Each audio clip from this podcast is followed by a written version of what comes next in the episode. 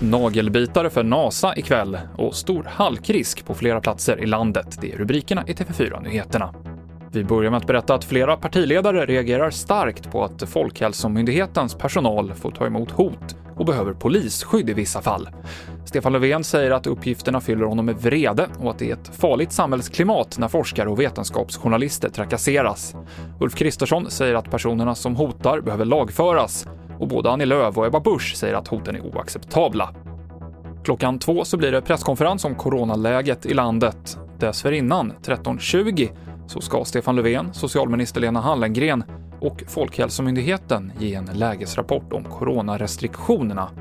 Allt det här sänds på TV4.se och på TV4. Ikväll ska NASAs rymdfarkost Perseverance landa på Mars och det blir en nagelbitare för risken finns att det blir en krasch när sonden ska släppa ner farkosten på planetens yta.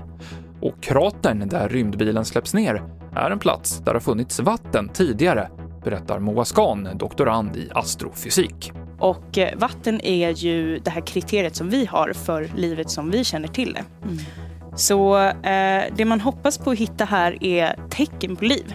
Antingen att det är eh, olika mikroorganismer, så saker som lever just nu, eller att det är biosignaturer, eh, så tecken på att det har funnits liv tidigare. Och du kan följa landningen vid 10-tiden ikväll på TV4.se. Det är halkrisk det närmsta dygnet på flera håll. I landskapen runt Vänern kan det redan nu i eftermiddag bli ishalka när det faller nederbörd på kalla vägbanor.